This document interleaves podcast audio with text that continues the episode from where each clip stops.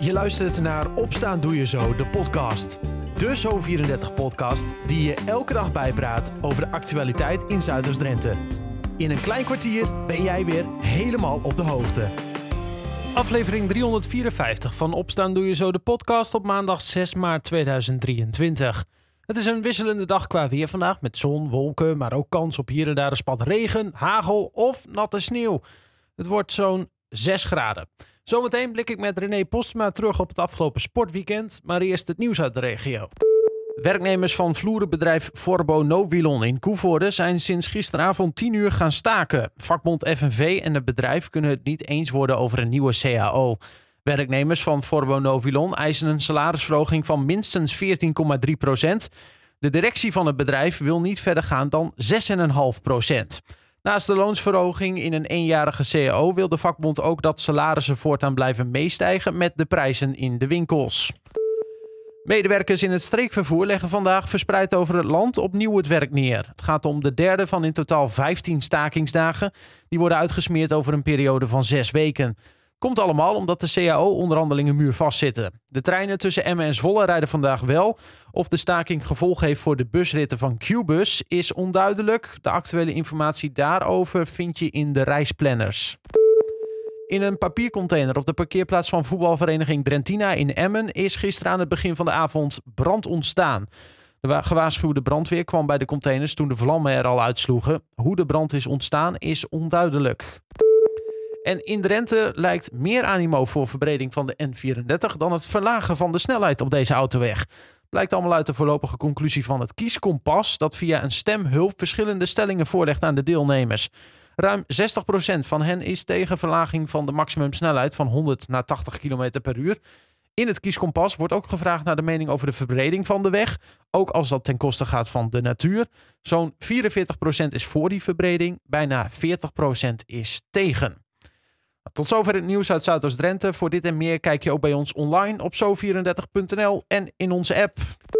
Afgelopen weekend kwamen de sporters uit Zuidoost-Drenthe weer in actie. Traditioneel blik ik op maandag met sportverslaggever René Postema terug op de sport van dit weekend.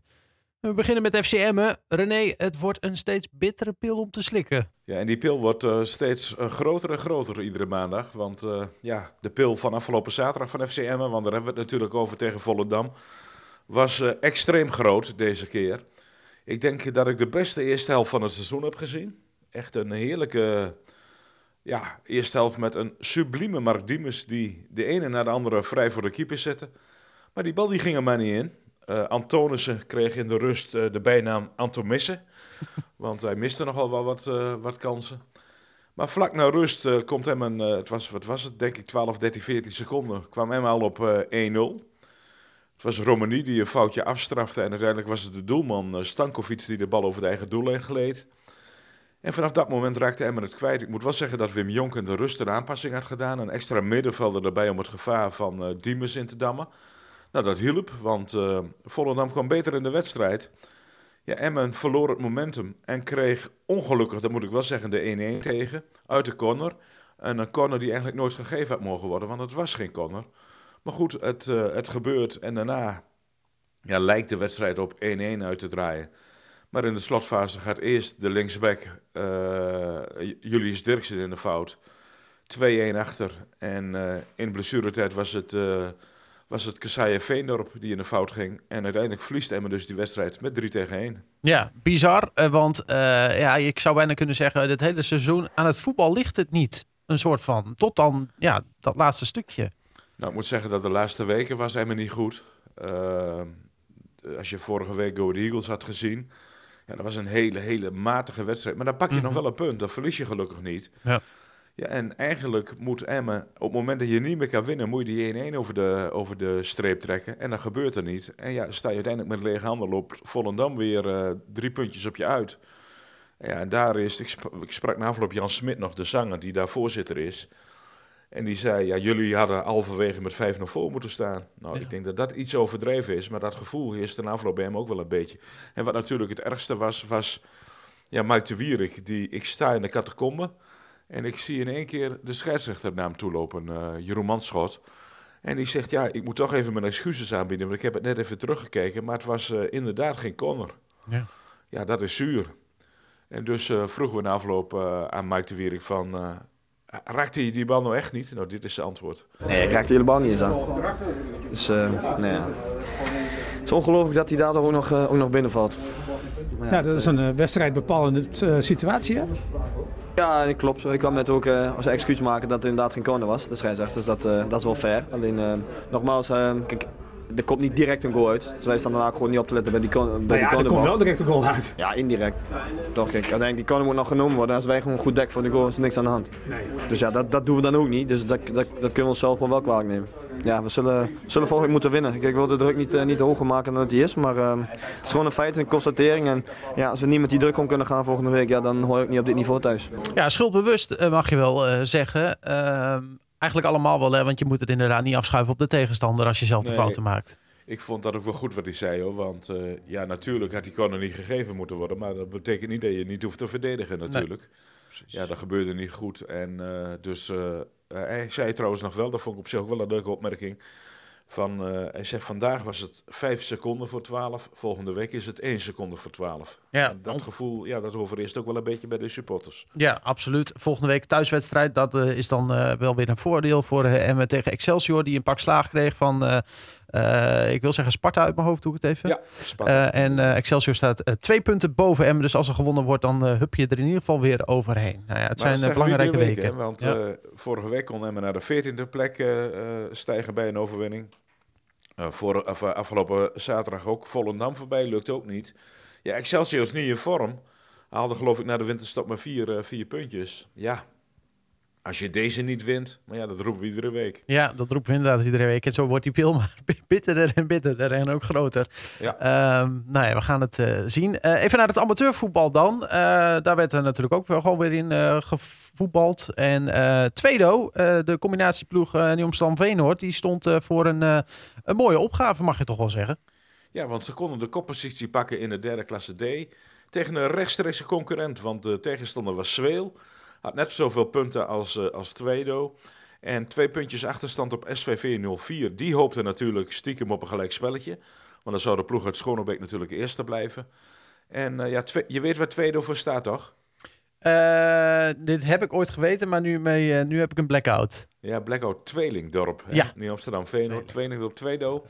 En mijn oude clubje, want ik, ik kom uit Veenoord. Dus ja, ik ja. zat geheel natuurlijk zonder uh, vooroordelen naar die wedstrijd te kijken. Maar ik moet wel eerlijk toegeven, tweede kwam voor rust op 1-0. Maar in de tweede helft was uh, Zweel beter, sterker, kreeg betere kansen, scoorde twee keer en dus verloor Tweedo met uh, 2-1. En ja, komt het niet aan de leiding in de derde klasse D, is het Zweel die de koppositie uh, heeft gepakt. En de afgelopen sprak ik met tweede-trainer Jans de Lange en die was uiteraard teleurgesteld. Ja, zeker is dit een tegenvaller. Uh, we hadden ook liever uh, gewoon gewonnen. Maar ja, ik denk dat het uiteindelijk een terechte uitslag is. Uh, Zwil wint. op basis van de tweede helft, toen ze echt aandrongen, hadden wij niet zoveel meer te vertellen. Hoe kwam dat? Ja, ik denk omdat wij alleen maar de lange bal gingen spelen en niet meer gingen voetballen. En uh, op zich zijn wij daar wel aardige bedreven in het voetballen. Maar ja, wa waarom we het niet deden, ik weet het niet. Ik heb het gevraagd, maar ja, het gebeurt niet. Heb je deze slag verloren, maar de oorlog nog niet, toch? Nee, zeker niet. Zeker niet. Nee, we, we gaan uh, alle zeilen weer bijzetten om, uh, om de competitie goed af te sluiten. En natuurlijk proberen we nog kampioen te worden. Maar het zal moeilijk worden. Het hoor, ik hoor hier een trainer met vraagtekens over zijn eigen ploeg. Waarom ja, deden we het ja, niet? Wel, wel, hij was realistisch de afloop. Ook niet van ja, we hadden moeten winnen en we kregen in de eerste helft wat meer kansen. Maar nee hoor, de tweede helft was niet goed genoeg. Ja, ja teleurgesteld, dat. dat natuurlijk. Maar het is spannend daar in die derde klasse D. Want uh, SVV op één puntje van Zweel en tweede op drie. Dus dat, er is nog van alles mogelijk. Ja, daarom. En uh, SVV 04. Nou, al genoeg Zuidoost-Drentse kansen wat dat betreft. Maar jij ja, bent, jij, jij bent voor... Uh, voor ja, iedere week wel een derby in ja, de buurt. Precies, ja. Dus leuk. Ja, leuk. jij bent natuurlijk voor Tweedo. Hè? Dat, is, dat is duidelijk direct. Ik ben, totaal, ik ben onafhankelijk journalist. Oh, oh ja. En, hup, nee, heb ik nog Hup Tweedo gezegd? Nee, ja.